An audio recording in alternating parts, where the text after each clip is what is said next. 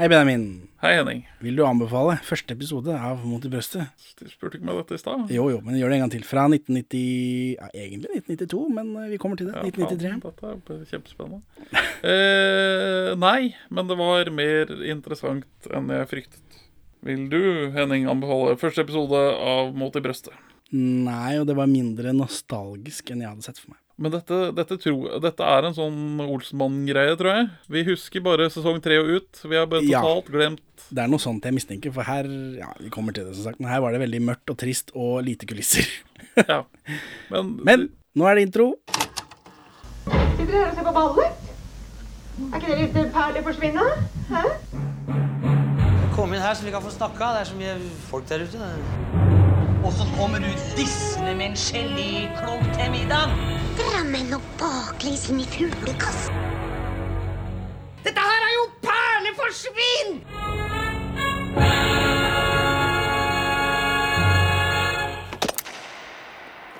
Velkommen til Perleforsvinn, podkasten for deg som i likhet med Olsenbanden eksisterer i et lovløst, amerikanisert Norge.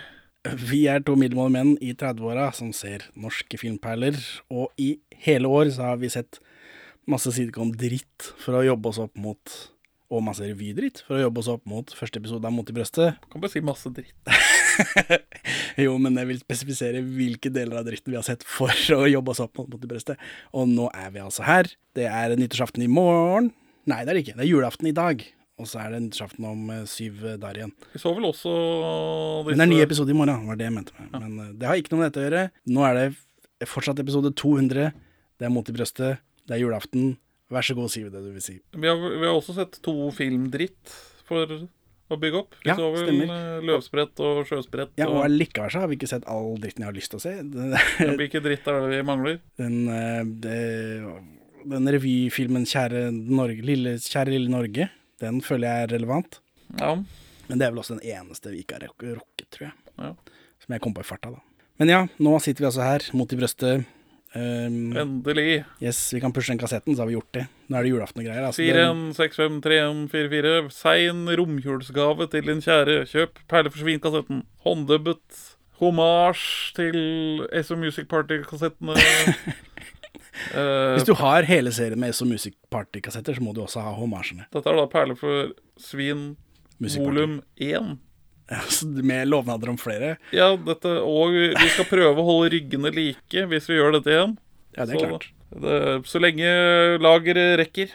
Mot i brøstet, Benjamin. Vi har snakka om det en gang før, vel? I episode 55. Ja. Tusenårsfesten.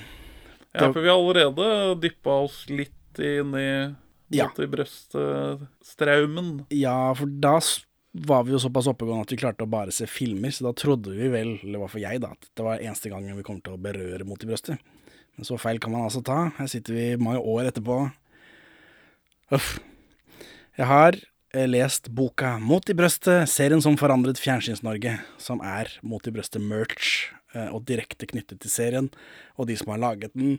Det er en sånn runkebok, hvor de Ja. skryter seg selv opp i skyene, og det er laget for folk som liker Mot i brøstet, da, som jo er en spesiell gjeng. Eh, og så skal vi se da om jeg fikk noe fornuftig ut av den. Eh, denne boka sier at Dan Børge Akerø huket tak i Tore Ryen da han var i Norge, fordi Adam Ryen skulle dubbe den Disney-filmen som han har hovedrollen i. Ja. En av få Disney-oppfølgere som er bedre enn originalen. Kanskje i hvert fall bedre husket av oss på 90-tallet, men det tror jeg bare fordi vi er fra 90-tallet, og den andre filmen er vel fra 70-tallet. Ja, jeg, jeg så ikke den før voksen alder, og den er ganske dårlig kontra hvor sterk jeg syns den andre er. da. Ja, jeg har vel nevnt i den forrige episoden, men når Disney-logoen kommer, og det slottet kommer, og den stjerna går gjennom spiret på, på Disney-logoen, den lyden, den forbinder jeg med den filmen.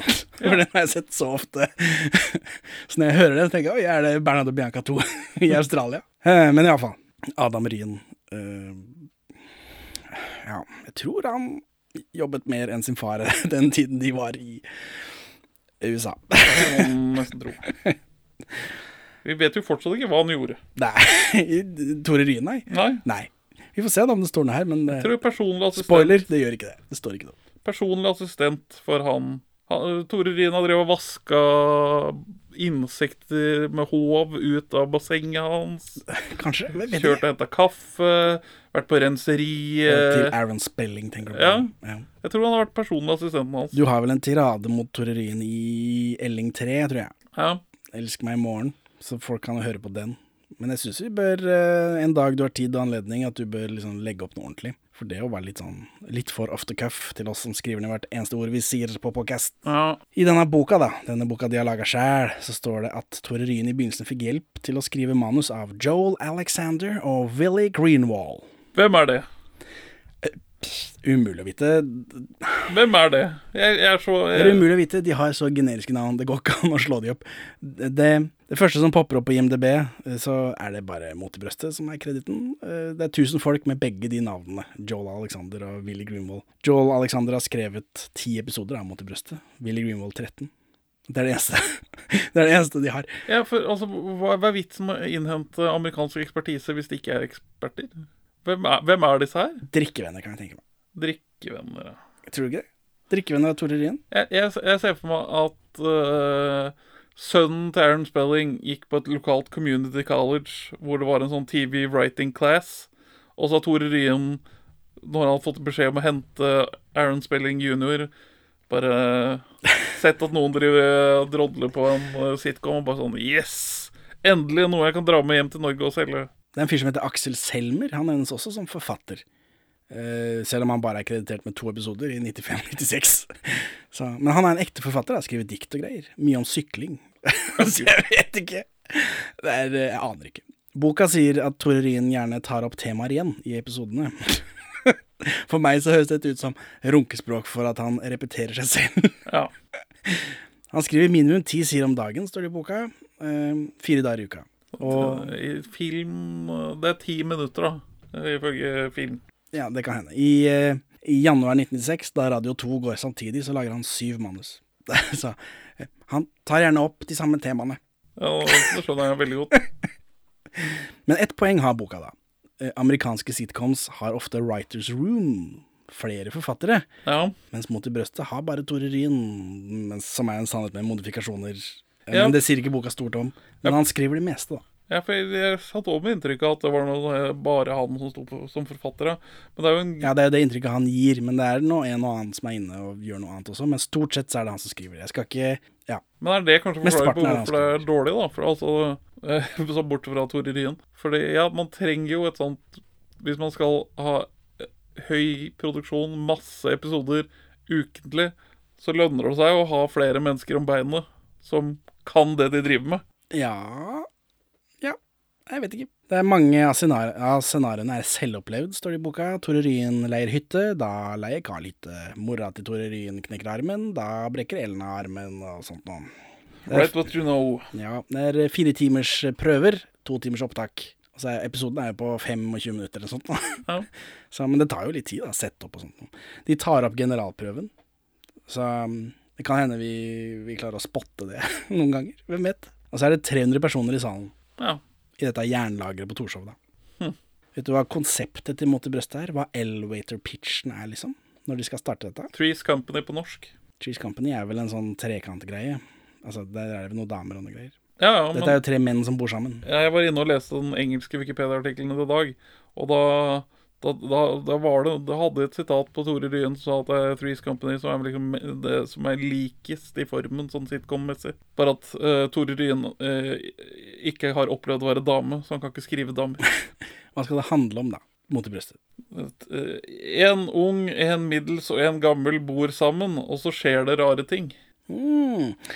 Du sier det fordi det er det vi husker nå, men konseptet da de starter, er at det er tre typer da som mister jobben, og så skal de tjene store penger på forskjellige schemes, virker det som.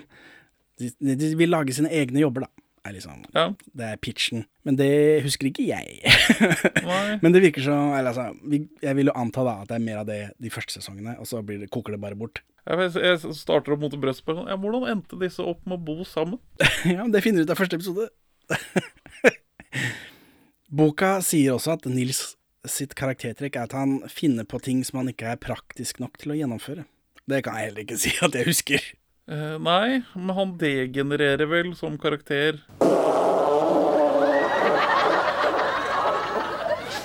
Det skrives alltid, og Tore Ryen sier i intervjuer at Arve Oppsal alltid var førstenavn på blokka når de liksom skulle caste dette. Ryen hadde skrevet revy for Oppsal før. Ja, han var jo en sånn underholdningskonge, Arve Oppsal. Vanskelig å komme unna, uansett hvor mye du personlig, Benjamin, misliker han. Boka påstår at Arve Oppsal eh, ikke overspiller. Jaggu. Og så ble Nils Vogt tidlig påtenkt også, men etter Arve, da. Han og Tore Ryen kjente hverandre jo fra gamle dager, men jeg er litt usikker på hvor mye kontakt de har hatt i voksen alder før dette, da. Og så sier de alltid at Sven Nordin ble prakket på Tore Ryen av Dan Børge Akerø for å gi damene noe pent å se på. Ja, OK. Han er jo kjekk. Ja. Det, ja. Så, vi har jo sett eh, den Vær så god, neste Sven Nordin. Da kom det vel også opp, men Sven Nordin er 37 år gammel når det starter. Han ser yngre ut. Nå er jo ikke verken Målfrid eller Trine med i denne episoden, men Trine er tre år eldre enn Målfrid. det hadde jeg aldri gjetta. Nei. Målfrid. Målfrid. Uh, for en kvinne.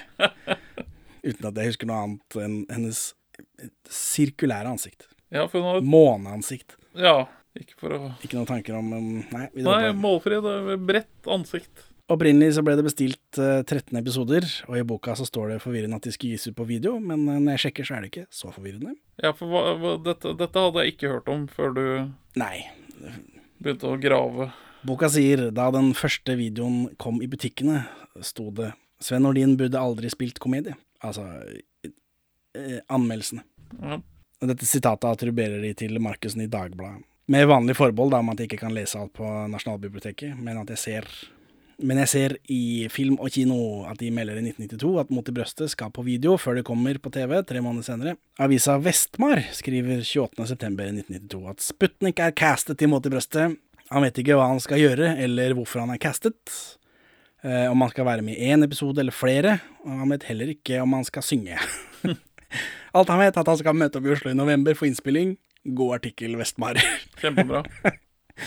Her nevnes det da at serien er skrevet av Tore Ryen og to amerikanere, og at det skal handle om tre forskjellige gubber som bor sammen siden de har mistet jobben, og at de vil tjene penger. Store penger. Og så er det en annonse for Musikksenteret i Førde. De har Mot i brøstet som Julas filmer på video i 1992. Altså før det går på Ja, før det går, for det begynner jo i, eh, i 22. januar 1993. Vi rakk så vidt jubileumsåret. Ja, det er jo det viktigste. Det, nå er det en uke igjen av jubileumsordet jubileumsåret. Vi er i gang. Eh, Nå kan ikke jeg lese alle avisene igjen, da, på en Nasjonalbiblioteket, men det er ikke mer enn et par annonser til i avisene i 92 for Mot i brøstet på video. Men, Så vidt. Så for, på Nasjonalbiblioteket, man, selv om man ikke man kan lese artikkelen, så kan man jo myse på de aktuelle sidene. Ja. Og det er ikke så mye Det virker skulle- ikke som det er blåst opp på noen måte. At nå, nå vi Mot i brøstet, se den nye VHS-en før den kom på TV. Nei. Er det da hele sesongen på en longplay? Nei, det er uh, tre episoder. Det er episode én, tre og fem. Vi kommer til Jeg har noe greier rundt det når vi ser de episodene. Men har du klart å oppdrive den VHS-en her i det hele tatt? Ikke fysisk for hånden, nei. Nei, men Men det går an. Det er Mot i brøstet, svett i henda, heter den. Den er fra 1992. Jeg har ikke fått sett nøye på alle coverne til alle Mot i brøstet VHS-er, men den er fra 1992. Jeg tror ikke det er mer enn én fra 1992. Nei. Men det må jo være The Holy Grail i Mot i brøstet VHS. Nei, ikke så veldig holy. Jeg tror ingen vet at den er fra 92 heller, selv om det står på den. Nei. Jeg tror ikke de kobler det at 'å ja, den kom før'. Jeg så jo du stilte spørsmål i en av gruppene her, og at det var eh, rett under middels produktivt. Uff, ja. Men i hvert fall, videohjørnet på Ringsaker rapporterer at Mot i brøstet eh, er den andre mest leide videoen i andre uka i 1993. Dette er jo etter at han har vært ute da. Førsteplassen, vet du hva, hvem som ligger på førsteplass? Basic instinct. Ja, nei, nei, nei. Det er, Dødelig våpen 3. Så disse, det er jo et VHS-cover, Mot i brøstet VHS-cover, som er en parodi på Dødelig våpen 3. Ja. Så det kommer etter dette, da. Hos Scanservice, som også er på Ringsaker, så er de på fjerdeplass. Dødelig våpen fortsatt på førsteplass. Og så begynner Mot i brøstet å gå, da. 22.1.1993, så da blir det jo mindre relevant at de også gir ut eh, episoder sporadisk på video. Jeg Fant en liste over de ti mest sette Mot i brøstet-episodene. Til og med 15. august 1995. Har du noen gjetninger? Jeg har ingen gjetninger, nei. Ingen gjetninger på ikke, på ikke på hvilken episode, men hvor mange er det som ser den mest sette? 700 000. 800 000 nesten. 794 000.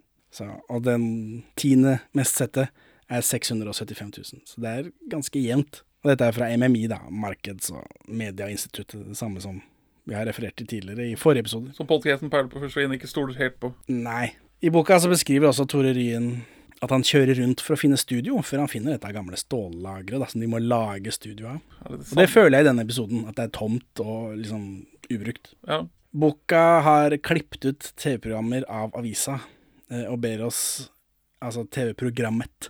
Og ber oss legge merke til at Mot i brøstet konkurrerer mot Flatland kasino. Men hvis man leser det programmet de har klippet ut, med de samme øynene som man leser beskrivelsen, så ser man at Mot i brøstet slutter ti minutter før kasino. Så det stemmer ikke i det hele tatt. Nettopp for å slippe å konkurrere mot denne kjempen. ja. For første episode av Mot i brøstet går samtidig med Norge Rundt på NRK og Alf på TV Norge. Så da kan du velge.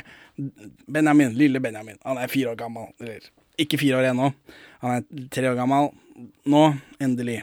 Mot i brøstet har han hørt rykter om. Skal jeg se det istedenfor Norge Rundt? Norge Rundt kommer jo Vet jo aldri hva som er på Norge Rundt. Nei, det Alf, kan være Alf på TV Norge, denne dokka som Ser er morsom levende. ut. Sliter litt med engelsken. Ja, Det blir jo Mot i brøstet. Mot i det- brøstet, ingen umiddelbar suksess, forresten. De flytter programmet etter noen uker fra fredag til søndag, hvor boka sier at etter et par uker så er de mest sett på søndager. Og så blir det flytta til mandag, med reprise på søndag. Og så til slutt så tror jeg det er en episode på fredag, nei, torsdag òg, som igjen ble sendt til reprise samme uka. Det er mye greier. TV-vanene mine i barnehagen og tidlig på barneskolen. Hmm. Ikke tenk på det. Banan, cola, potetgull, sparkesko. Det var dette. Det er dette jeg husker. Ja.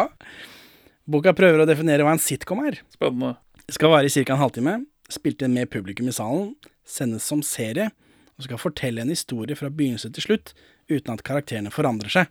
Så man når som helst kan bare slenge på en tilfeldig episode, og så er alt det samme. Jeg er ikke helt enig med denne abstraksjonen, men det er jo inne på noe. Ja. Boka sier at eh, Mot i brøstet er den første gjennomnorske sitcomen, og det håper jeg vi har dekka i opptaken til dette, at det kan det faktisk være. Ja, Men det blir ikke gjennomnorsk når du har to amerikanere på manus. To ukjente amerikanere som Tore Ryen kanskje har funnet på. Jeg vet ikke, men Tore Ryen tar iallfall all, all æren, da. Ja, Og det er ingen svenske med i castet. Nei. Som i Pilen flyttebyrå og, Fredriksson Fabrikk, for så vidt, som igjen er eh, en remake av en britisk serie. Fleksnes, remake av en britisk eh, serie. Eh, Hjemme hos oss, remake av en britisk serie. Ja. Pilen flyttebyrå, det største som er gjort i nordisk, nordisk sammenheng. Svensk i hovedrollen. Sånt noe. Jeg tror det er det. Kontorsjef Tangen kan vel knapt kalles kom. Så ja, det, Sitcom. det er tynt. Kom. Ja. Det er tynt. Det er mye piss i den boka, men det her kan faktisk stemme. Boka nevner Fredriksson Fabrikk, da. Eh, Denne har vi jo også hoppet over. eh, Ja, det har vi faktisk. Ja, for hvorfor føler, Det føles som noe vi må se i sin helhet en eller annen dag, bare vi gidder. Og så har jeg lyst til å finne ut av hva det er en remake av, men eh, det er så langt frem at jeg orker ikke å tenke på det. Boka snakker om Stumpa som sitcom. Stumpa har jo sitt opphav på radio, noe sitcomen også har. Så har vi boka. Ja, altså, Stumpa er en bok, da, men norsk, på norsk så er Stumpa, har Stumpa sitt opphav på radio. Eh, altså, Jeg starter ikke Stumpa som en bokserie. ikke på norsk. Det tror jeg. Ok.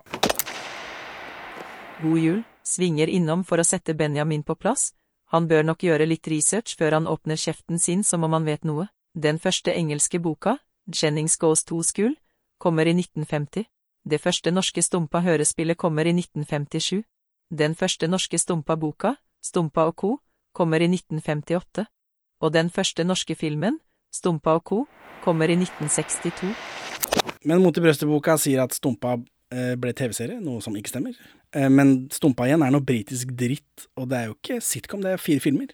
Boka sier Fleksnes nok bygger på den britiske måten å produsere sitcoms på, men Mot i brøstet kjører den amerikanske metoden, og det stemmer jo. Den nevner Kontorsjef Tangen som Norges første komiserie.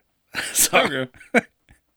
så det er noen som har gjort uh, researchen sin. Den nevner Herfra til Haglemoen også, som vi kanskje burde sett. Den, det er jo en oppfølger til disse Operasjon Sjøsprøyt Ja, løvsprett. Hvor de produserte fire episoder, men NRK sendte bare tre, for det var så utrolig dårlig. Øyvind Blunk i hovedrollen. alle, hele Norges Øyvind Blunk. Så er det noen strø-notater som jeg har gjort meg fra boka. Boka sier at eh, skuespillerne tramper over hverandre i replikker, og at det er planlagt for at det skal høres mer naturlig ut. Jaggu. Jeg tror det er lite tid til å øve. Tore Ryen synes eh, Siv Anita Andersen var sitat, 'alminnelig nok til at folk kunne identifisere seg med henne'. Sitat slutt. Han, jeg tror han bare prøver å negge Siv Anita, så han kan ligge med henne. Ingen kommentar. Det beskrives at de får tre kroner per autograf, men i senere podcaster så har jeg hørt de sier 50, de som har vært med i dette. Og bildene koster 35 kroner, står det i boka. Så kanskje noen har runda opp på et tidspunkt. At de, Ja. Du kan kjøpe bilde for 35 kroner, jeg kan signere det bildet for 3 kroner, og så har de bare runda det opp til 50. I, når de forteller dette 20-25 år senere. Har du noen av disse bildene ennå? Oh yeah, det henger jeg ute på veggen der. Nå har vi lokka igjen døra, da, men At eh, svenskene kjøper manus, blir nevnt. Ja. Men uh, boka høres skuffet ut over at de bruker egne skuespillere. Så jeg vet ikke helt hva de hadde tenkt. Nei, nei, for vi, vi Jeg har sett så vidt, for det ligger på YouTube, dette Segmyr og kompani, eller hva faen det heter for noe. Og det ligner jo ikke i det hele tatt. Nei, de har en Carl. Så vidt, så vidt en Carl, og så er det en, eh, en Henry som er mye yngre. Jeg vet ikke. Det, det, det rimer ikke med noe jeg har sett før. Boka snakker om at de prøver å selge mot i brøstet til utlandet, da. Men at vi ikke har noe særlig tradisjon for å gjøre det i Norge, og det stemmer jo. Og så er det et ganske tynt konsept å selge. Ja, men de klarte jo det til Sverige, da. Den Tore Ryen snakker, ifølge boka da, om Sør-Amerika og Østen, i sitat. Som om Østen er et sted. Tore Ryen bryr seg ikke om kritikker av- om at serien er for amerikanisert. Han mener USA ligger 20 år lenger foran, i Norge, foran enn Norge på å fortelle enkle historier, som boka sier. boka spør også om kanskje castet skal utvides, og Henrik skal få seg dame. Oi. Og det gjør han jo uten at de utvider castet for det. Han blir jo sammen med Elna. Ja. Tore Ryen skrev Sussebass sammen med Andreas Diesen. Sussebass, du er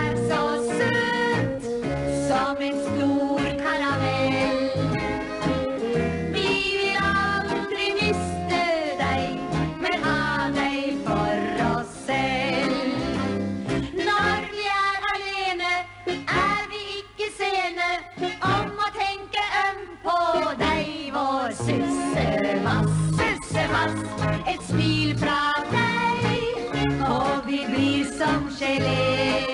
Sven Nordin og Nils Vogt har gjort reklame for oblater på bilskilt og for selvangivelsen i VG, står det.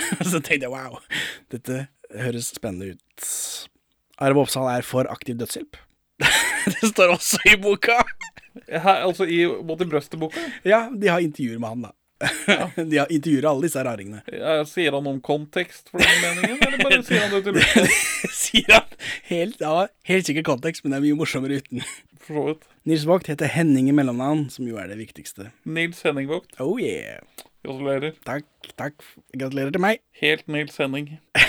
Helt Nils Henning, ja. Boka har noen biografier da, på alle disse involverte. Castet og Tore Ryen. Kan starte med Tore Ryen, hva jeg har lært av biografien om han. Biografien av Tore Ryen i boka presenterer han som et stille barn helt til realskolen, hvor han blir en terrorist som plager lærere og knuller jenter. Og dette blir presentert som noe positivt. Det står, står det knuller? Ikke med de ordene, nei. Nei.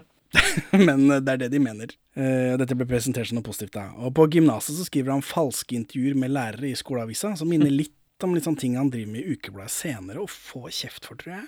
Eh, Han lager all musikken til seriene sine selv, står det.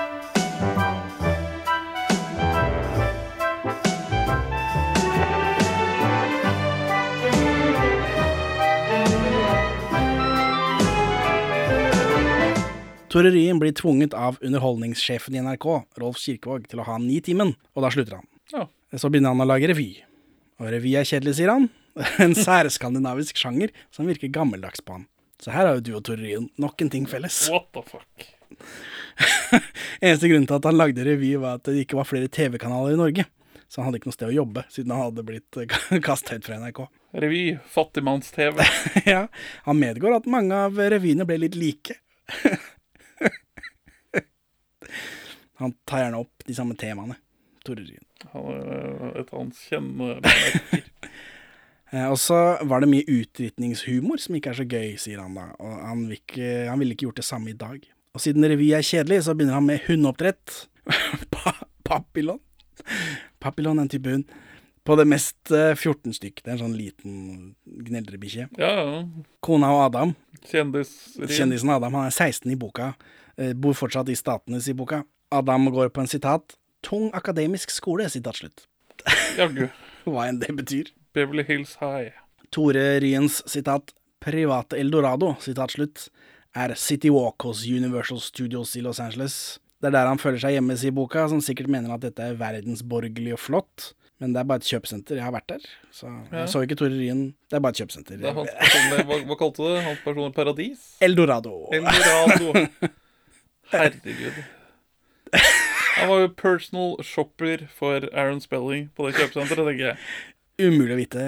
Uh, men det er vel de mest Hollywood-aktige ordene de klarte å sette sammen, eller Tore Ryen klarte å sette sammen, kan jeg tenke meg. Ja. Og så har de bare presentert det som Fordi dette var jo før internett. De kunne ikke bare google City Walk. Du må dra dit, liksom. Uansett, bare et kjøpesenter. Han snakker mye dritt gjennom NRK, da, han eh, Tore Ryen, så det må være lov. Skal vi høre hva Bokka sier om Sven Nordin? Ja. Sven Nordins biografi i boka er sykelig opptatt av at han er rik, men later som han er østkantgutt. ja. Han bor på Kampen, men i et stort hus. Kaller seg østkantgutt, men vokste opp i villa på Grefsen med direktørfar osv. det er, er rart. rart og liksom Er det en runkebok eller er det ikke? Hva er dette for noe? De kaller Rød snø for en kriminalkomedie. Enig, eller? Vi har jo sett det. ja, det ble jo det, da. Til slutt. Men det er på grunn av han raringen svenske. Bromseren. Ja. Ha- Sven Nordin gremmes i dag over egen innsats i serien. Det er jeg enig i at han var ræva i den, men du er jo ikke enig. Jeg syns det blir litt strengt. Han er gammel sølvgutt. Jeg husker ikke om det har kommet opp før, men det føles ut som han føles som noe som har blitt nevnt her og der, ja. Ja. Han studerte språk på skolen, han kan både tysk og fransk. Han synger med Benedicte Adrian på, Adrian på Min hvite mage. Det har visst noe med en musikal å gjøre. Kalt ja, ja det, Henriette den åttende og hennes seks ektemenn, heter den musikalen. wow. Ja. For et konsept. Min hvite mage. Han hopper fallskjerm i en episode, står det, så vi får se da om han gjør det på ekte. Eh, Det står at han la på seg ti kilo for å spille gammel i Vest, Vestavind. En serie som ikke vi har sett ennå, men det er en sånn generasjonsserie. Eh, Han har hatt en stalker, sitat telefonterrorist, sitat slutt, som han fikk bura inne i 70 dager. Tore Ryen? Nei, Sven Nordin. Vi er på Sven Nordin. Å ja, men uh, Tore Ryen har drevet med telefonterror, så Det var, dette, var, dette var forskjell på en vits. Skjønner, skjønner. Jeg trodde du var ute, jeg, for det så ut som du hadde sovna i stolen her. Uh, Sven Nordin er forfri forfriskende ærlig da, om at han misliker kjendistilværelsen, og sitat Det eneste interessante for meg ved, kons ved et konsept som Nils Potetgull er å tjene penger. Sitat slutt. Ja, det er ryddig. Han sier at grunnen til at han er gift med kona, er praktisk. De gifter seg i 92 etter 11 års samboerskap. Han skylder på at Linn Stokke, som er dattera hjemme hos oss, hadde så mye jobb med diverse instanser da Hans Ola Sørli, som er han tredje fyren i Orions belte, han som ikke er de to andre, men han tredje, Ja. eh, han ble drept i en trafikkulykke, og de bare var samboere, så det ble jævlig mye jobb da for henne. Så Ja. da, da fikk eh, Sven Nordin ånd over seg og fridde til kona. ja. Linn Stokke var forresten gravid med deres andre barn da han døde, så det er supertrist. Dette har vi snakket om i, i den filmen, da. Det kan hende, ja. Arve Oppsal. Boka sier han er kjent som Ronald Glum på radio. Aldri hørt om. Aldri hørt om. Mellom Botolf og Egon. Vi, jo, vi har jo sett han i dette arkivportrettet som inspektør Snusen på radio. Eller det er også en radiokarakter. Men eh, radio, Ronald Glum, aldri hørt om. Hei igjen. Ronald Glum er noe britisk dritt, en radiokomedie kalt Take It From Here, som gikk mellom 1948 og 1960. På norsk så gikk familien Glum på radio i 1975 og et par år utover ser det ut som. Rolf Kirkvaag, som har oversatt og lett bearbeidet serien, sier at, sitat fra Tidens Krav, i originalversjonen behandlet man både gudstro, sex og andre ømtålige temaer på en måte som ikke passer for et norsk publikum, sitat slutt. Gud forby at det skulle bli for spicy på radio. Det virker som han er blitt en sånn eldre omsorgsgubbe som er forbanna på at Norge gir uhjelp i stedet for eldrehjelp. Ja, Litt sånn det er en Rolf sånn typisk sånn Å ja, nå er jeg pensjonist, nå bryr jeg meg om pensjonistsaken. Ja, og ikke uhjelp. De setter det mot hverandre, da, som om det ikke går an å hjelpe et sted og et annet sted samtidig. Jeg tror vi er verdens rikeste land, eller? det var det, ja. Han er sinna på at de måtte flytte begravelsen til Karsten Byring en halvtime frem, så Åse Kleveland skulle rekke flyet til Kairo for å gi de 30 millioner til bøker. Jaggu. Som vi vet så er Arve Oppsal en som trenger å faktasjekkes. Hvorfor Henning ikke gjorde det før episoden ble spilt inn kan man jo spørre seg. Karsten Byring dør 6. april 1990. Jeg finner ikke datoen til begravelsen hans, men det kan jo ikke være så lenge etterpå. Jeg finner ikke noe om at Åse Kleveland er i Egypt i april 1990, men hun er i Sarpsborg og samler inn penger til de eldre, som jo Arve Oppsal burde vært for. Ikke blir hun kulturminister før i november 1990 heller, så hvorfor hun skulle hatt makt til å flytte en begravelse for å dele ut penger i utlandet, som direktør for fornøyelsesparken Tusenfryd vites ikke. Hun er leder i Likestillingsrådet i 1990, og kultursjef for OL på Lillehammer også, så hun er politisk aktiv, men ikke flytte en begravelse politisk aktiv. Hun er kulturminister i 1996, når boka kommer ut. Kanskje det er dette som er forvirringen til Oppsal? Sjekket hva den faktiske kulturministeren, Eleonore Bjartveit, gjorde i april 1990, men hun ser også ut til å holde seg innenfor landegrensene. Mye snakk om at hun ikke har fikset ventilasjonen i Statens filmsentral, og at hun vil ha reklamefinansiert TV 2 på utsiden av Oslo. Da takker jeg for meg, god robotjul og godt robotnyttår. Eh, boka oppgir adressen hans som Bestumveien 93, og livsmotto som 'Jeg driter i alt, bare jeg får penga mine'. Seems right. Seems fucking right. Ho, ho. Jeg syns det var fresht å oppgi hans faktiske adresse i boka, Ja, som selges kun til gærninger som kunne tenke seg å oppsøke han. Boka sier at han har vært gift to ganger, begge ganger med kona Mari Caroline. Så boka glemmer da å nevne at han også var gift med Liv Wilse mellom de to gangene. Ja. ja, sånn det var. Så han har vært gift tre ganger. Hvorfor ikke de nevner det i boka? Uvisst. Det er fordi det er tabubelagt, da. Tabubelagt å være skilt i på 90-tallet? Ja, Ja. i hvert fall i større grad enn i dag. Tja, han har skilt seg én gang allerede, med samme dama. Jeg vet da faen. Jeg, ja. jeg har ikke gravd i det, men det kan hende det er noe overlapp. Ja, Og så kan det jo være et rent humorpoeng da, å bare si vært gift to ganger med samme dame, og så ikke utdype det. Kanskje. Han syns det er dumt at proffboksing er forbudt i Norge. Nå er det jo lovlig. Gratulerer, Arve Oppsal. Du levde jo ikke til å se det, men. Nei. Eh, sitat Arve. Underholdning i dag er ellers mest dunk-dunk og noen halvavkledde damer. Sitat slutt. Dette mener han er negativt. Ja, for han drev masse med sånn politisk snert og sånt. så Jeg vet ikke, han er jo tydeligvis blitt det nå, da. Han snakker pent om Aud Schønmann, Rolf Just Nilsen og Karsten Byring. Han var på turné da hans nyfødte sønn døde i 1946, og fikk aldri se gutten. Trist. Eh, eh, Arve Oppsal? Arve Oppsal, ja. Jaggu. Jaggu. Det er whiplash i hva de tar opp i dette. Jesus Christ. Og Her gjenfortelles den anekdoten om at han og Aud Schønemann så en dame ta en and fra elva, for så å spise den anden. Dette har jo vært borti et par ganger med Er det Sus og dus på byen, eller?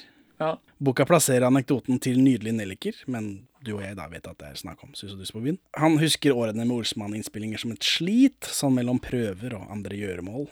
Det var mye å gjøre da. Han sier at det ble planlagt en operasjon løvsprett-oppfølger fra Luftforsvaret, som aldri ble noe av. Det henger på grep. Det gjør jo det.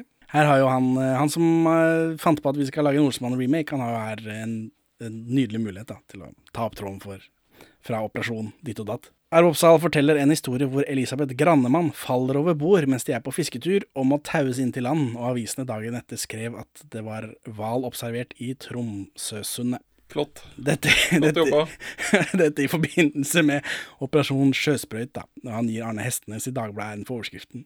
Så Aha, hun er feit.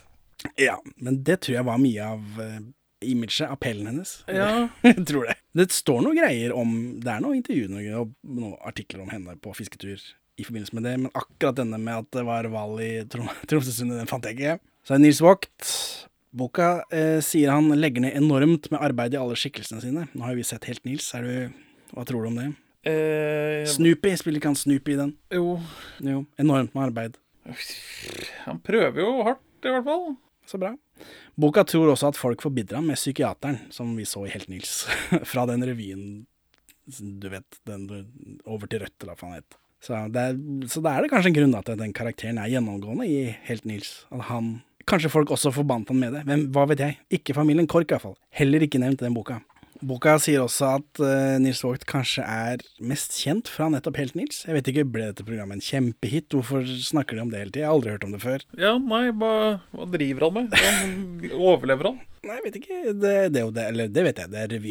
det er revy rundt omkring, Er men ikke på TV. Det er omreisende revy. Han har ikke sånt fast show som er utsatt hver uke på Chat Noir. Nei, men det er sånn som alle andre i norske skuespillere overlever, da. Det er jo juleshow, antar jeg. Han drømmer om å spille i film, i hvert fall. En større rolle. Han er jo med i noen sånn småtteri allerede. 94 så er han jo med i den Fredriksson Fabrikk-filmen. Wow. som beiler et eller annet slag. Jeg husker ikke. Jeg har ikke sett den på 1000 år. Boka snakker om en NRK-serie fra 1972 med annet Vogt, eh, Tore Ryen, Øyvind Blunk og Grete Kauseland. Den inkluderer også et bilde av et ensemble med annet alle fire da, oppi der, men jeg klarer ikke å finne spor av det. Jeg aner ikke hva det er for noe. Han slutta å røyke i 95. Nils Henning Vogt. Han var autografjeger i ungdommen, først og fremst sportsfolk på Bislett. Bislett? Bitchlet. Bislett.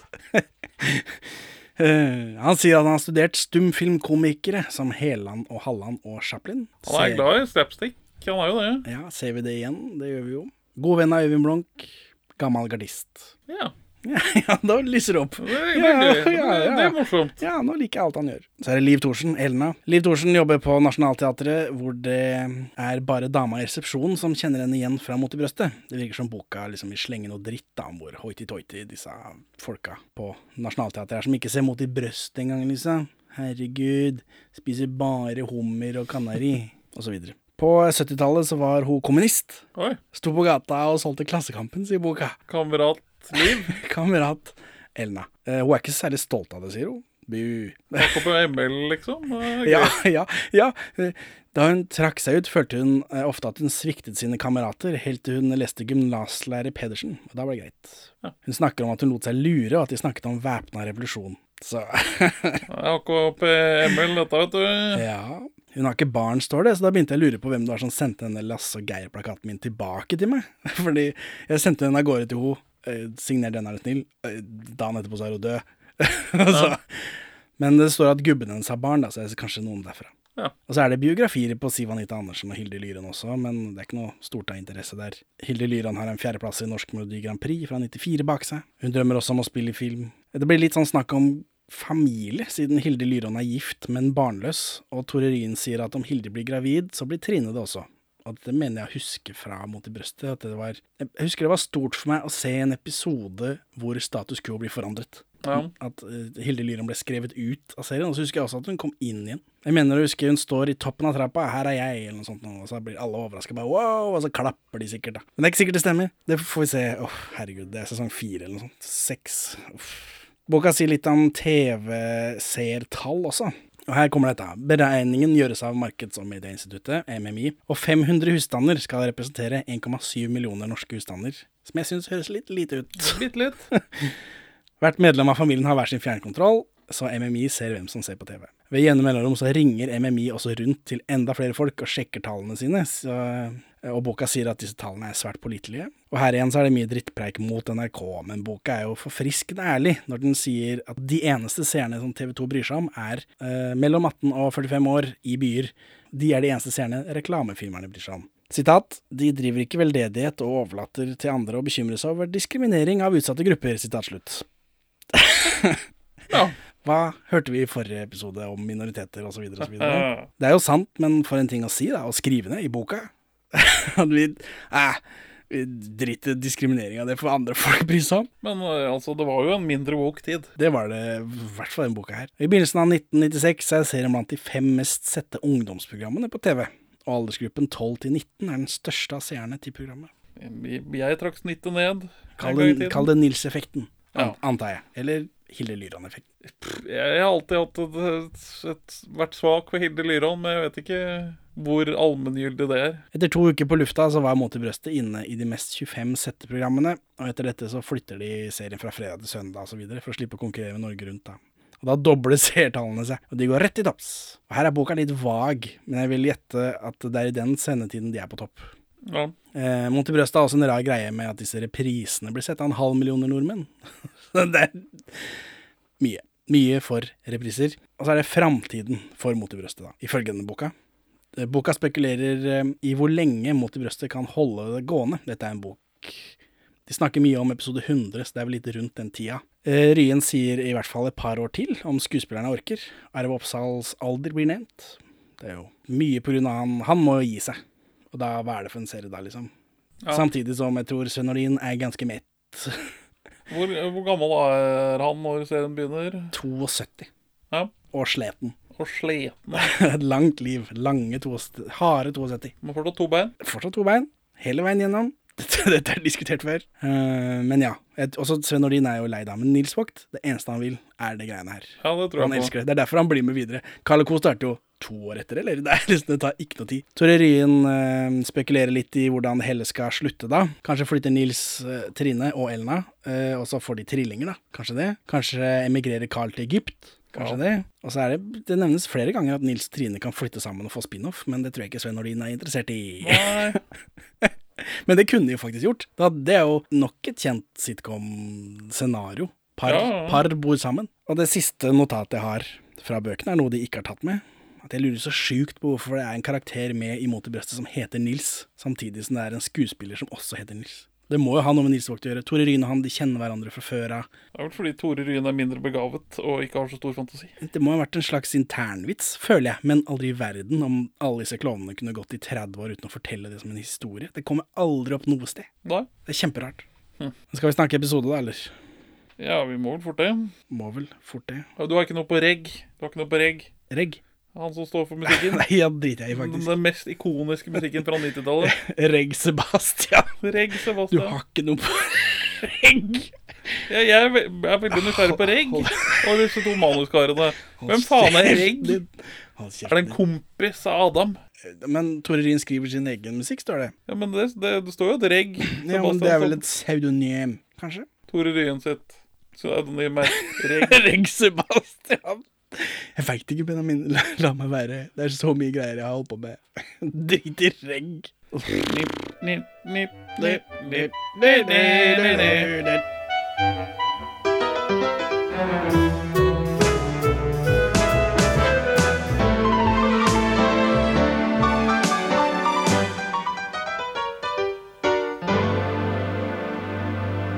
Jeg vil si Seinfeld er litt bedre enn Mot i brøstet.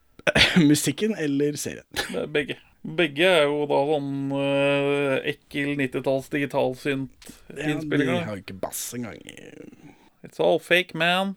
Til dette greiene så er det litt sånn småtteri jeg har lyst til å telle. Og så er det også Jeg har prøvd å sette sammen dette wokometer for å se hvor, hvor woke disse episodene er. Og på dette wokometeret enn så lenge da, så er det rasisme, misogyni, antiintellektualitet, transfobi, homofobi, vold, sexisme og annet. Og så er det også en kategori for pluss, hvis det er noe walk. Eh, eh, jeg, jeg har Jeg har Ja, jo. En, en, en, en ting som slår meg i denne episoden, da, er jo at man eh, Man lefler med det norske sosialdemokratiet på en ugrei måte. Ja, Dette vet jeg ikke hva du mener, men Så vi skal jo snakke om det. Amerikansk kulturimperialisme er vel også noe uwoke, da. Å ja, for du vil ha Du vil ha poeng for at Montebrøst eksisterer som serie. Nei, nei, nei. det, er, det er noe anti-wokeness i det. Nei, men det er, dette, det er dette at i, i Norge så har vi et sosialdemokrati, og arbeiderne har rettigheter, og vi har krav på helsehjelp og, og så der. Og det, det mistenker Fra første episode her nå, så mistenker jeg at kanskje ikke det står så rett, da. For altså du, du kan ikke si opp noen og så sitte og le av dem i dette møtet. Det, det Nå går virker ikke. det som eh, Carl er ganske høyt oppe på strå, da, da kan du det. Ja, det er å sparke oppover. Eh, Nei, altså, du har ikke noe Hvis du er sånn sjef som forhandler om din egen lønn og sånt, så har du ikke noen ordentlige rettigheter hvis ikke du har forhandla det på forhånd. Nei. Du har ikke noen fagforening. Du har en fagforening, men hva skal de gjøre da? Du har jo lagd eh, avtalen din sjæl. Ja. Er, er det det som foregår? Jeg antar det. Og så kan man ikke bare skilles over natten. Det Ett år med separasjon. Dette er ikke en tilfeldig amerikansk delstat. Joel og Reg og han andre.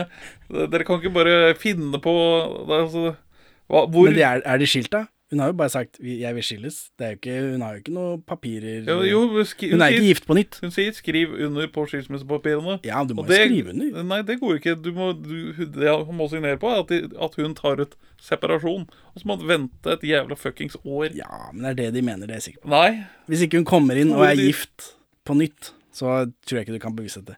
Men iallfall, det er noen andre ting jeg er interessert i. Eller først og fremst det antall sett interessert i. Hvor mange sett har de, liksom? Det, her, det, det, det, som er mest overraskende for meg her, er jo at det starter ute i denne. Eh, uvanlig. Og så er jeg interessert i bikarakterene. Hva er dette? Er det kvinner? Er det menn? Er de autoriteter som skal liksom jenkes ned? Er det love interests? Er det bare kjendiscameo? er det liksom Er det en sexy lampe? Har de replikker? Har de ikke replikker? Og så er jeg selvfølgelig interessert i er det morsomt, dette. Eh, så da syns jeg vi skal telle latter. Ekte latter og honorable laugh. Altså, her er det en vits. Jeg ser den fungerer. dette er godkjent. Ja. Dette er ting jeg har lyst til å telle i dette prosjektet. Men nå er det Mot i brøstet sesong én. Vi har brukt over et år på dette. Første episode heter Forfremmelsen. Den er sendt første gang 22. januar 1993, etter først å ha vært på VHS da i noen uker. Eh, Så vi, du og jeg, rekker 30-årsjubileet akkurat. High five! Very nice. Um, om et par uker nå så er det 31 år siden det ble sendt, så da hadde vi bomma. Men det klarte vi. Vi har jo snakka om Måtebrøstet før, som sagt. Tusenårsfesten, men det er flere år sia. Episode 55 av podkasten. Og så er det en Carl Co.-episode, så det teller vel ikke. Jeg ser 25-årsjubileums-DVD-en. Jeg vet ikke hva du ser på. Um, det, det trenger vi ikke å snakke om. Nei. Nei. Og denne åpner uten intro. ja. Ja, ja. Det er for- Jeg antar det bare er første episode, men vi får se, da. Vi har ikke sett noen flere episoder. Men den går rett på Carl Bakkes skrivebord på jobb, med gjestelista på skjermen. Ane Vardun stikker innom, ser jeg. Eh, Hun har jo ikke vi møtt ennå i podkasten, men hun er datter av Ingrid Vardun, som vi møter rett som det er. Mora hjemme hos oss. Ja. Eh, Og så er det Henke Kolstad, ser jeg. Han er jo far hjemme hos oss. Og så er det Lars Andreas Larsen, verdens eldste mann. Eller alltid gammel. Her har han eh, fått etternavnet sitt skrevet feil. Det er to s-er i Larsen. Han har Eller her er det skrevet med én s. Han har to. Han er broren til Trude Drevland. Vi ser han hele tiden, blant annet i Helt Nils. Så han er jo kamerat med Nils Vogt, tydeligvis. da. Ja. Og så er det jo sånne revyfolk alle sammen. ikke sant? Tore Ryne er en sånn revygubbe.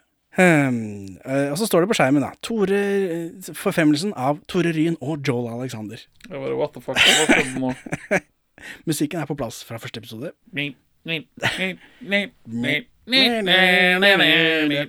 Vi får synge oss ut. Carl åpner posten, han finner en lapp, ringer kona, som tror at han er en annen mann hun visstnok ligger med. Humor. Kjempestor. Og så kommer det en runkevits. I min venstre hånd holder jeg nå Hva, jeg tror du er gæren, jeg.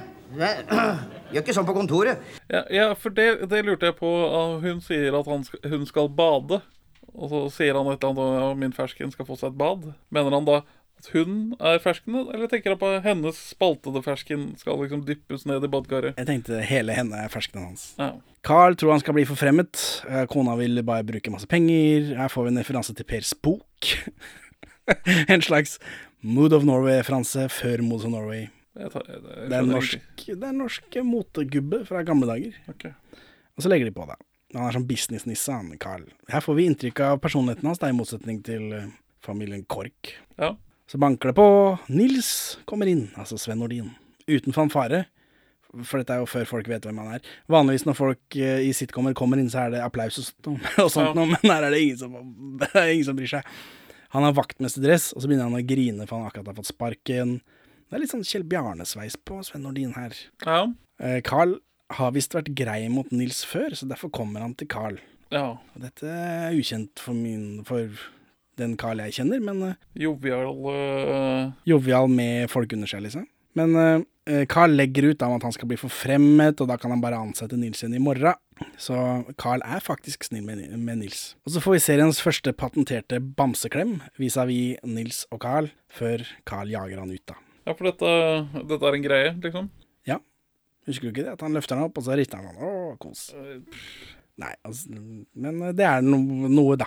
Her, er- for de har jo tenkt jeg skal lage en sitcom, jeg trenger catchphrase, jeg trenger ting som kan gå igjen. Antar jeg. I, uten at jeg plukka opp noen catchphrase. Ho-ho, bare meg. Nei, nei, nei. Jeg vet ikke om nei, nei er en ja, Ja, det, jeg, jeg tror det er catchphrase også. Ja. Eh, Nils synger til seg selv i speilet. Jeg vet jo, for vi har sett helt Nils, at han er glad i å synge. Før Lars Andreas Larsens grå røyketryne kommer inn i kontoret. Lars Andreas gir eh, Carl sparken da, mens Carl stadig snakker om hvor forfremmet han skal bli. Ja. ja. Og så tror jeg Lars Andreas Larsen prøver seg uten dialekt. Han er jo fra Bergen, Ja. men ikke her. Vel, jeg skal forsøke å være kort. Eh, Som de vet, inntreffer gjerne i ethvert menneskes liv et øyeblikk hvor man blir nødt til å godta visse forandringer. Ja, du, Apropos det. Forandringer. Du skjønner, Jeg har allerede tenkt litt på det der. Jeg lurer på, jeg, på det nye kontoret, som jeg regner med blir et av de oppi her, med utsikt over fjorden. Så kunne jeg godt tenke meg et sånt eh, eggeskallfarvet teppe. Og så et sånt svært marmor eh, skrivebord. Og så en liten gullfisk, så jeg har noen å prate med når jeg jobber overtid. Og du, hvis det blir det der kontoret oppe i femte, der hvor hun eh, sekretæren, vet du, med de svære pip, pip, pip, pip, pip, Der hvor hun sitter, så kan hun eh, bare bli sittende. Hun virker veldig dyktig. Og så får vi en bip-bip. Ikke helt mipp-mipp ennå, men det går utover en sekretær et sted, altså det er vel sexisme. Så krysser du av en sexisme Ja, jeg gjorde det. Lars Andreas legger ut om hvor mye styret hater Carl, og han klarer ikke å holde latteren tilbake mens han sparker han da, for det er tydeligvis ingen som liker Carl. Og nå er første gang vi ser stua. Her er det mørkt og trist, syns jeg, da. Lite møblert, lite innlevd. Tanker?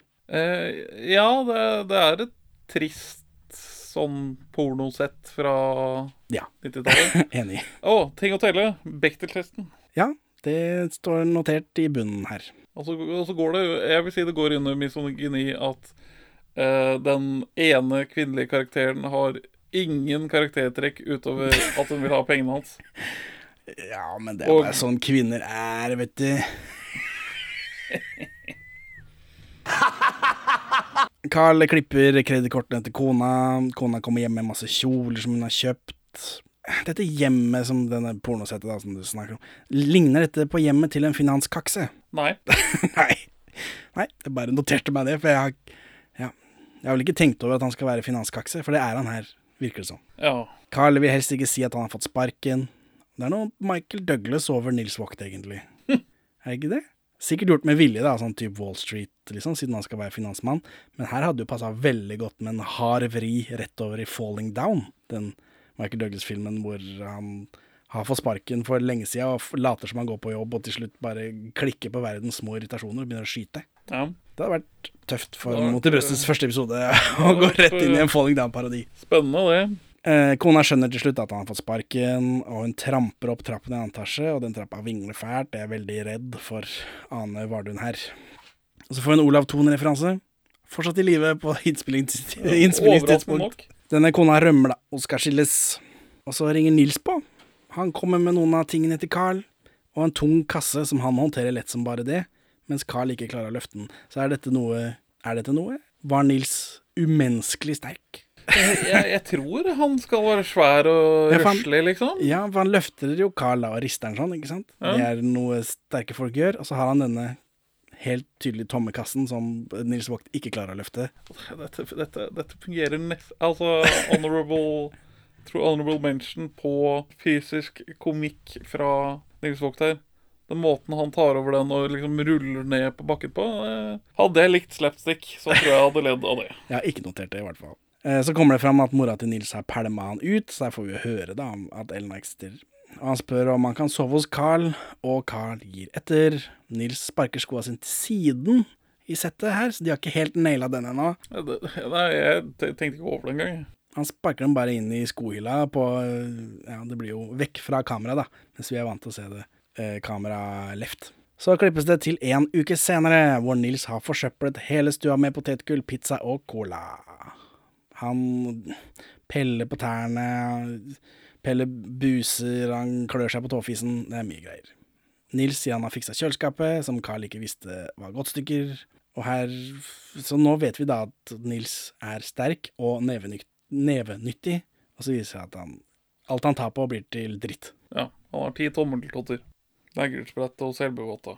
Den, det kjøleskapet han har fiksa, han har fiksa det så hardt at melka er stivfrossen, og Carl truer med å slå Nils med melken, og Nils reagerer som om dette er noe Som om han har blitt slått før. Ja, Og dette er notert under vold, men eh, ja, men- for han sier sånn 'ikke slå meg' på en sånn det er ikke slå meg, Carl. Det er som om det er en reell fare for vold her, da. Ja, om, eller om han har blitt slått hjemme, vet vi jo ikke, eller om det er Carl som har slått han den ene uka da. Ja, han- Det er ikke godt å vite, men det var en mye mer naturlig reaksjon enn jeg hadde forventet.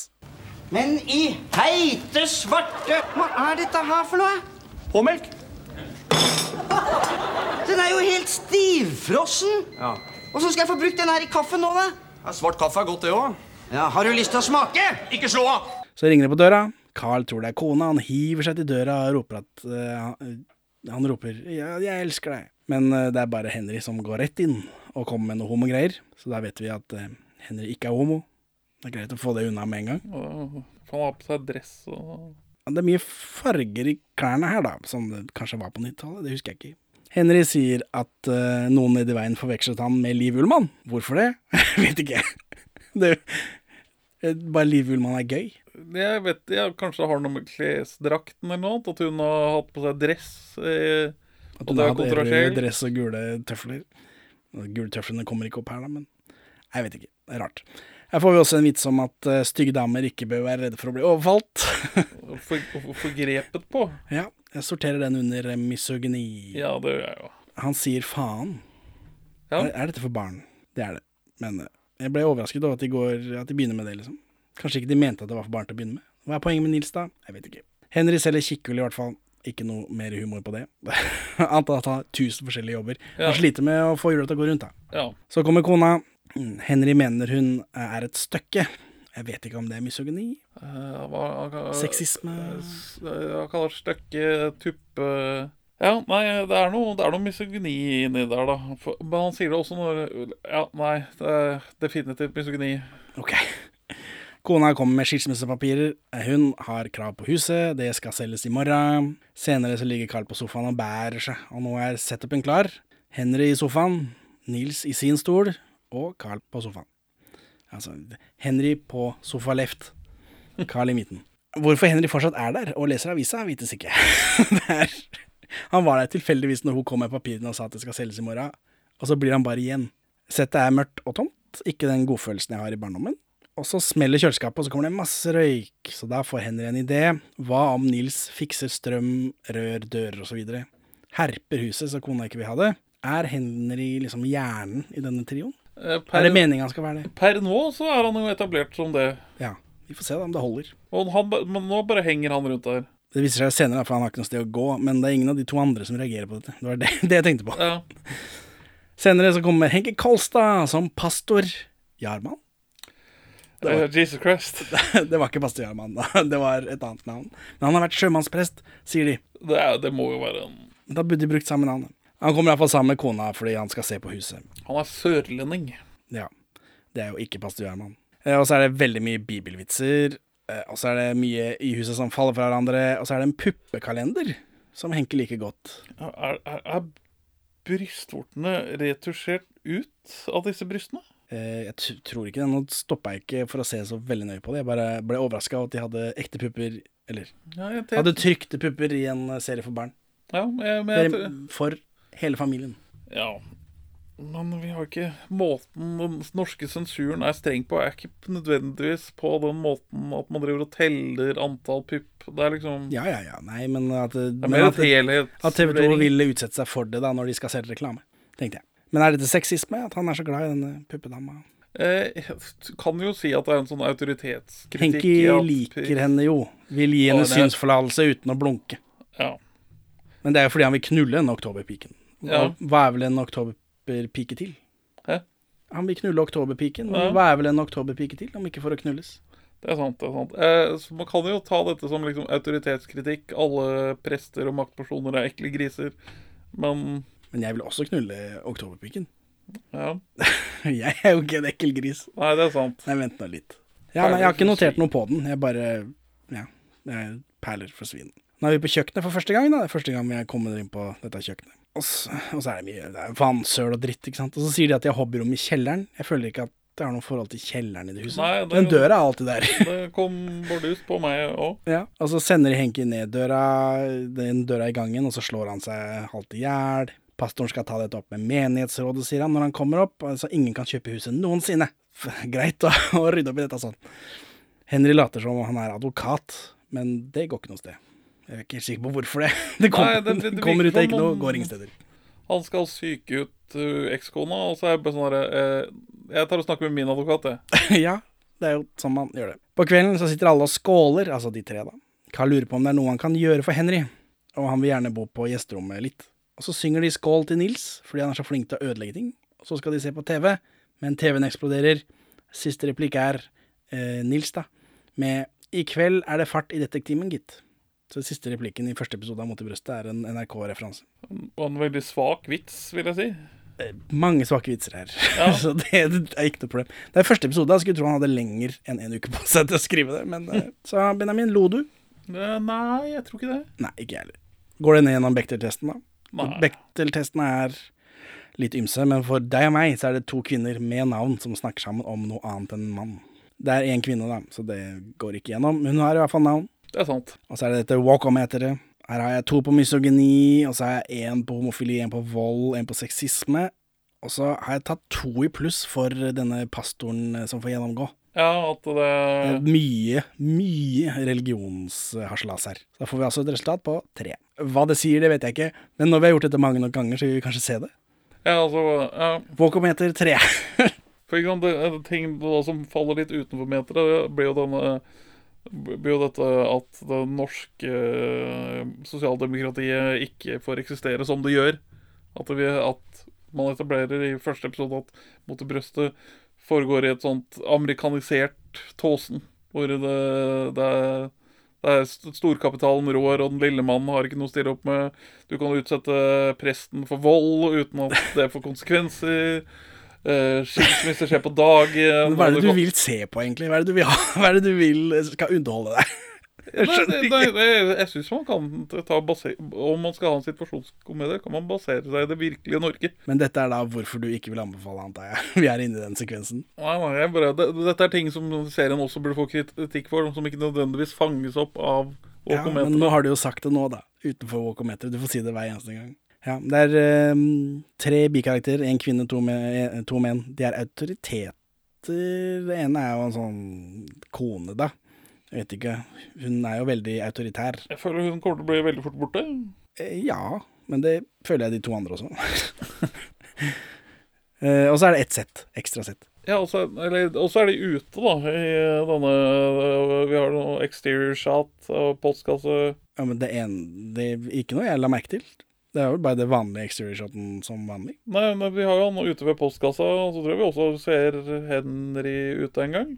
Ikke jeg, i hvert fall. Så det er mulig det er noe Vi annet. på DVD-en der. Får, jeg får sende deg en kopi av min DVD, så får vi, får vi se. Ja, nei, da det er det mer arbeid med den serien her enn jeg hadde planlagt. OK, Benjamin, hvorfor vil du ikke anbefale dette? Nei, fordi det er, det er ikke morsomt. Det er ikke, det er ikke bra. Jeg liker ingen av karakterene. Gjør ikke det? Det tror jeg ikke noe på. Alle liker Nils. Eh, ikke ennå. Kanskje etter hvert. Nei, så Henning, hvorfor vil ikke du anbefale denne episoden? Fordi det er mørkt og trist, og det er liksom Det kjennes ikke ut som det gjorde da jeg var ung, i barndommen. Jeg anbefalte vel Tusenårsfesten kun på grunn av at det kjentes ut som da jeg var barn. Ja.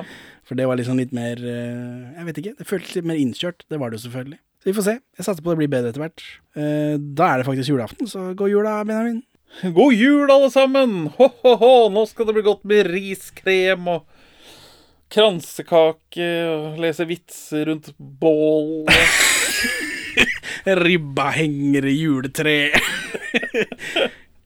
Perleforsvin-kassettene ligger under juletreet, for de har man bestilt via Og de burde ikke være for nærme peisen. De har ikke noe godt av sånne raske endringer. i Hvordan er det man bestiller de, da? Man sender 140 kroner til 41653144 og vedlegger navn og adresse, så er porto inkludert. Ai, ai, ai. Jul, Det-. Justert for inflasjon. Så God jul da, Benjamin. eksakt det samme som SO Music Party gjorde på 70-80-tallet. Jøsse navn. Ja, god jul da, Benjamin. God jul, Henning. Ha det bra. Adjø. Takk for at du hører på Perler for svin. Vi er mest aktive på Twitter, perler for svin, men vi er å få tak i på Facebook også, perler for svin pod i ett ord. Vi svarer på Messenger selv om siden ser død ut. Vi har egen hjemmeside, perleforsvin.no. Her finner du også episode 1 til 27, og vi er tilgjengelig på mail på perleforsvinpod at gmail.com. Gi oss en rating i din podcast-avspiller, og legg igjen en eh, anmeldelse så folk skjønner hva for noe tull vi egentlig driver med. Og for øvrig, legg ned kongehuset. Her er ukas Pål Bang-Hansen-sitat ute av kontekst. Det var kalde saker. Og dette skal være Nils sin skål, hurra! Kutt ut av gutter! Eh, Fleksnes kunne vi kanskje solgt til utlandet. Den gikk jo tydeligvis i Romania. vi har jo en plakat her. Trailer for sailor rent. I'm king of the road. Da-da-ba-da-ba-da-ba-da. Nei, nei, nei. Nei, nei, nei, nei.